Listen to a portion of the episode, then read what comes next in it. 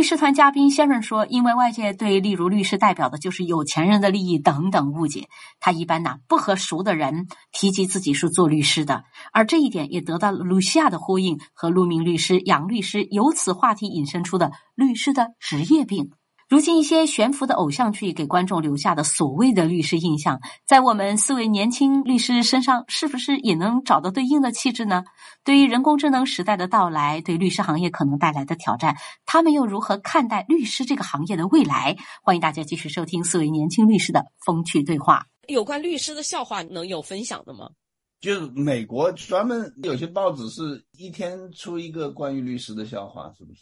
不是一个段子哈，这个是真正真正我的发生的事情，因为我是律师又是精神病科的护士嘛。那如果呢有陌生人在街上来聊天，不是很熟的人说：“哎呀，你是做什么的呢？”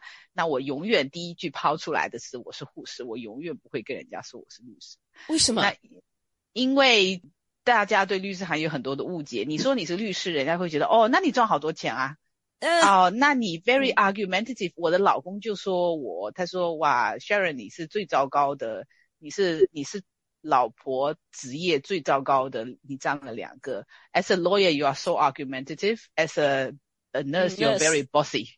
哦，所以 贡献一个段子，所以说找律师很糟糕。嗯，找律师很糟糕，找了一个又是护士又是律师的更糟糕。哎，这其实一种职业习惯会带到生活当中哈。每个人多多少少都一些职业病。刚才 Sherry 分享，其实也是一种职业病。像陆明讲，嗯，陆明讲的，我什么事情，比如说会不会就把理要说透，我要跟你讲明白了，会不会有有时候会有这种问题？对这个。那个好像是做那个什么性格测试，我好像就是就是那种人，就是可能跟职业还不一定有关系，所以就经常是呃，所以你适合这个职业，社社交的场合，然后呢，我就突然就是侃侃而谈，这个应该是怎么样的，然后法律上是怎么样的，我会怎么我我是怎么认为的，但实际上生活中是不需要把问题研究的那么细的。陆明会嘛？比如说跟人才相识的时候，哎，比如有时候会猜，哎，请问你是做什么的？人家会马上想到你是律师吗？对，会不会有些职业病带进去？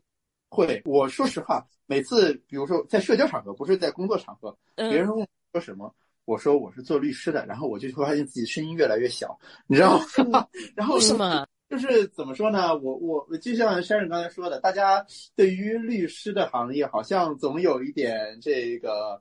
偏见也好，或者说偏入的这种观念也好，这当然这个大多数归功于我们的媒体和影视剧哈。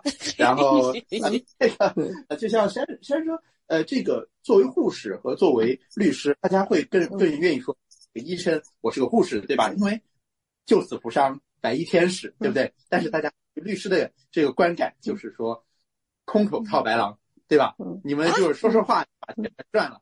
然后就感觉这个钱来的不就就好像不是那么的，就是你说两句话就就把钱给赚了啊！这个对于他有一篇，包括你律师，你代表的是这种代表是有钱人的利益啊，对吧？或者说有一些比较颠倒黑白啊，有有很多时候有这样一些，所以所以有的时候你在说自己的职业的时候，我倒并不是喜欢说。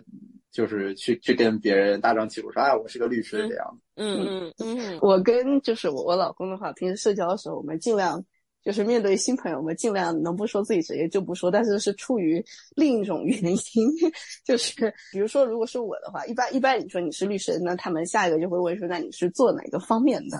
然后，尤其因为像像我家庭法，其实家庭法嘛，就是每个人都有家庭，对吧？就是有有孩子，有有配偶，然后交个女朋友，什么都都属于这个范畴，能问的就很多。没结婚的就问说，那进入婚姻以后怎么保护财产？然后婚姻刚好就是不是很满意的呀，问问他。万一离婚了怎么办？基本上一旦我们暴露了这个职业以后，剩下的如果是跟人吃饭什么的，接下来一个小时基本上就是处于一个免费咨询的一个状态。对对对对，对。然后对一样，那那那但 Jackie 也是一样，就是他他前段时间去去新西兰参加婚礼，然后有好多孩子新西兰有点冷，结果他他婚礼的那个一个小时就变成临时开了一个门诊一样的，排一 溜孩子看他的病，你知道，全部都都感冒了。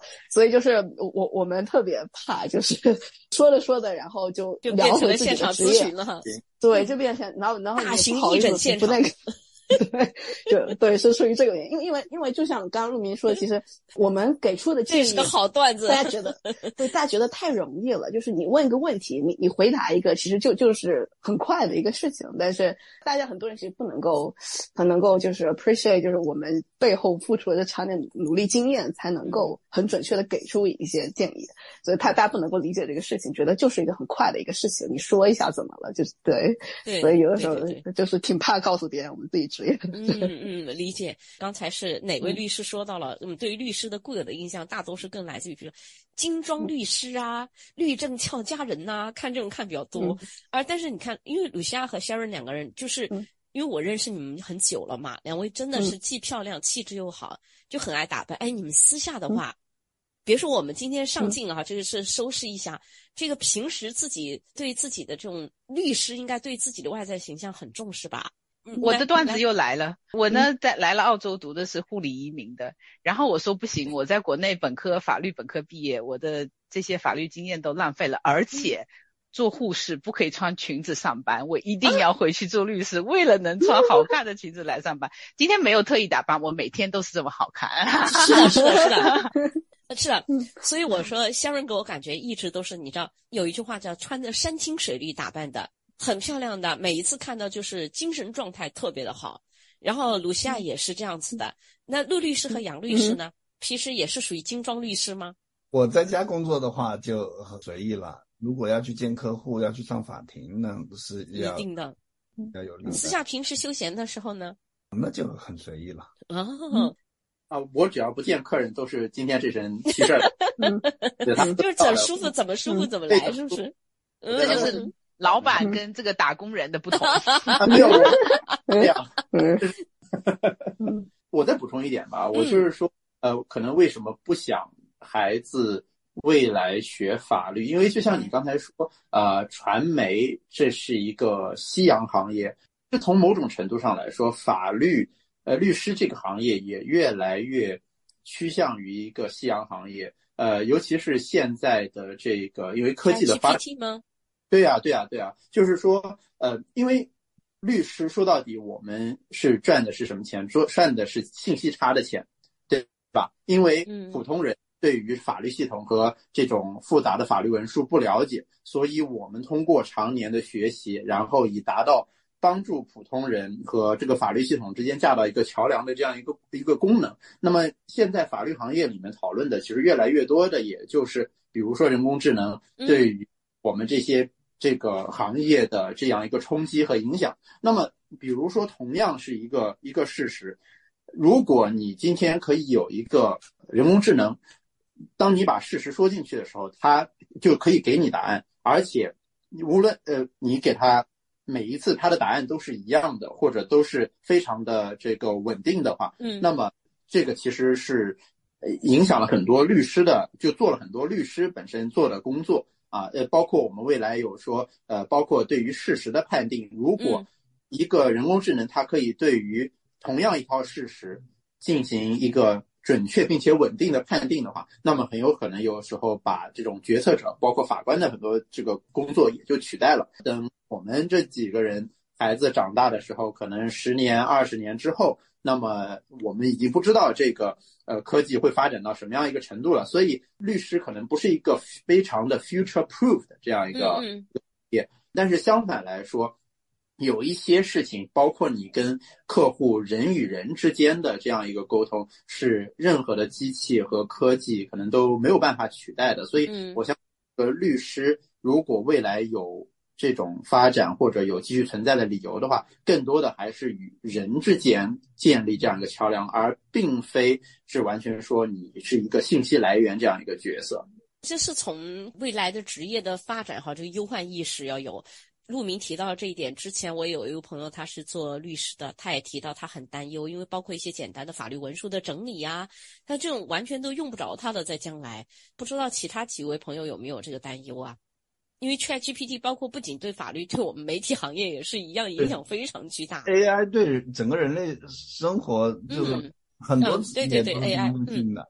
从这方面来考虑的话，就是我们的孩子应该可以选择的职业并不多了，所以呃，我就让他当个运动员，就是 当个运动员，可能人类还有这个娱乐的需求，然后 看人打。嗯 我的想法不太一样。我经常想呢，因为社会一直在发展，我小的时候，我的父母绝对不会想到，我长大了之后会跑到地球的另一边做一个嗯律师，然后嗯全英文的做一个诉讼律师，这是超出他们想象的一一个事情。是他们预料不到的。我们的孩子到时候的社会也会，他们也会处嗯在一一个嗯超出我们想象的社会里，所以我们不要用我们 very limited 的这个认知去固化了他们的发展。我经常开玩笑说，以嗯后呢，我的女儿就会嫁给外星人，我的儿子呢就要跟电脑结婚了，跟这个这个机器人结婚了，就是一 in a way 就是说以后社会发展到一个我们现在无法想象的阶段，那为嗯。什么要用我们自己很 limited 很有局局限性性的哈，对想法去去给他们固画一个圈子，让他们在这个圈子里，他们只要开开心心长大，开心最重要，他们做什么其实都不是很重要啦。而且说一句这个早打的话哈，打这个妈妈都是律师的，个个都是 妈妈爸爸都是研究生，都是律师，小朋友以后做什么都不会太差，实在不行就回来做律师好了呀。刚才已经嗯找打之前已经有过找打一次了，不要找律师作为自己的另一半。嗯 鲁西亚现在也刚刚升级了，有没有嗯担心过？其实作为律师也会担心自己未来的这个职业，呃，他呃未来的一个发展。我我觉得应该还有一阵子才会背起来的，因为 因为我我这个性性质确实是，就像刚刚讲，其实我我我跟我其实有很多客人可能在来咨询我之前都做过很多的这个自自己方面做些 research 什么，就是很多都已经有一定的了解，但是呃，因为每个家每个家庭实在都是太独特了，就是没有一个家庭情况是完全一样的，我可以说是。嗯，所以，呃，当他们把这些比较标准信息输进去以后，得到了这个答案，就是他们也担心不一定准确。然后呢，有的呢，就是说到个人方面，就是说，呃，他们会觉得这个是不是真的是这个样子？如果自己不是一个自己满满意的答案的话，所以他们最后还是会找到律师来来去进行一个确认，然后也是需要这种情绪上的一个一个支持。嗯，然后知道是呃，就是是自己的家庭法律师是可以呃，就是他走到最后，然后去解决这个事情。所以尤尤其是离离婚这个事情太情绪化了，就是说他们没有办法完，就是只靠一个这个人工智能去去或者说哈，对它没有温度，对会觉得，嗯，对，嗯。这这不仅仅是一个法律的，它一个情绪上面的一个一个支持还是蛮重要的。对，嗯，嗯。刚才 Sharon 已经在考虑有没有可能嗯。将来自己的后代可能都是赛博格了。我们每一个人就是对看待嗯有些东西啊，可能有我们自己这个时代的局限性，我们只能用我们现有的经验去看哈。未来怎么样我觉得不知道，但是呢，看得长远一点，像陆明这样，就我自己也是比较担忧自己孩子将来去走这个传媒这条路，媒体这个行业。所以说一开始我也就给孩子把他们带去跟我吃苦，早上跟我上早班，看看我们的工作状态，然后再把我的工资单给他们看一下，然后他们就这样就 知道，然后哎，可能将来就不大会考虑这个行业了。我觉得就是孩，其实孩子能够就是会看到我们的这个整个工作和生活生活状态吧。嗯，所以我觉得他们自己之后是会有一个判断的，对，因为因为我我当时没有选择做医生，就是因为呃家里很多做医生的，我看到他们很辛苦，所以我是特意的 没有哦没，然后没想到做律师更辛苦。对对，也是一样的。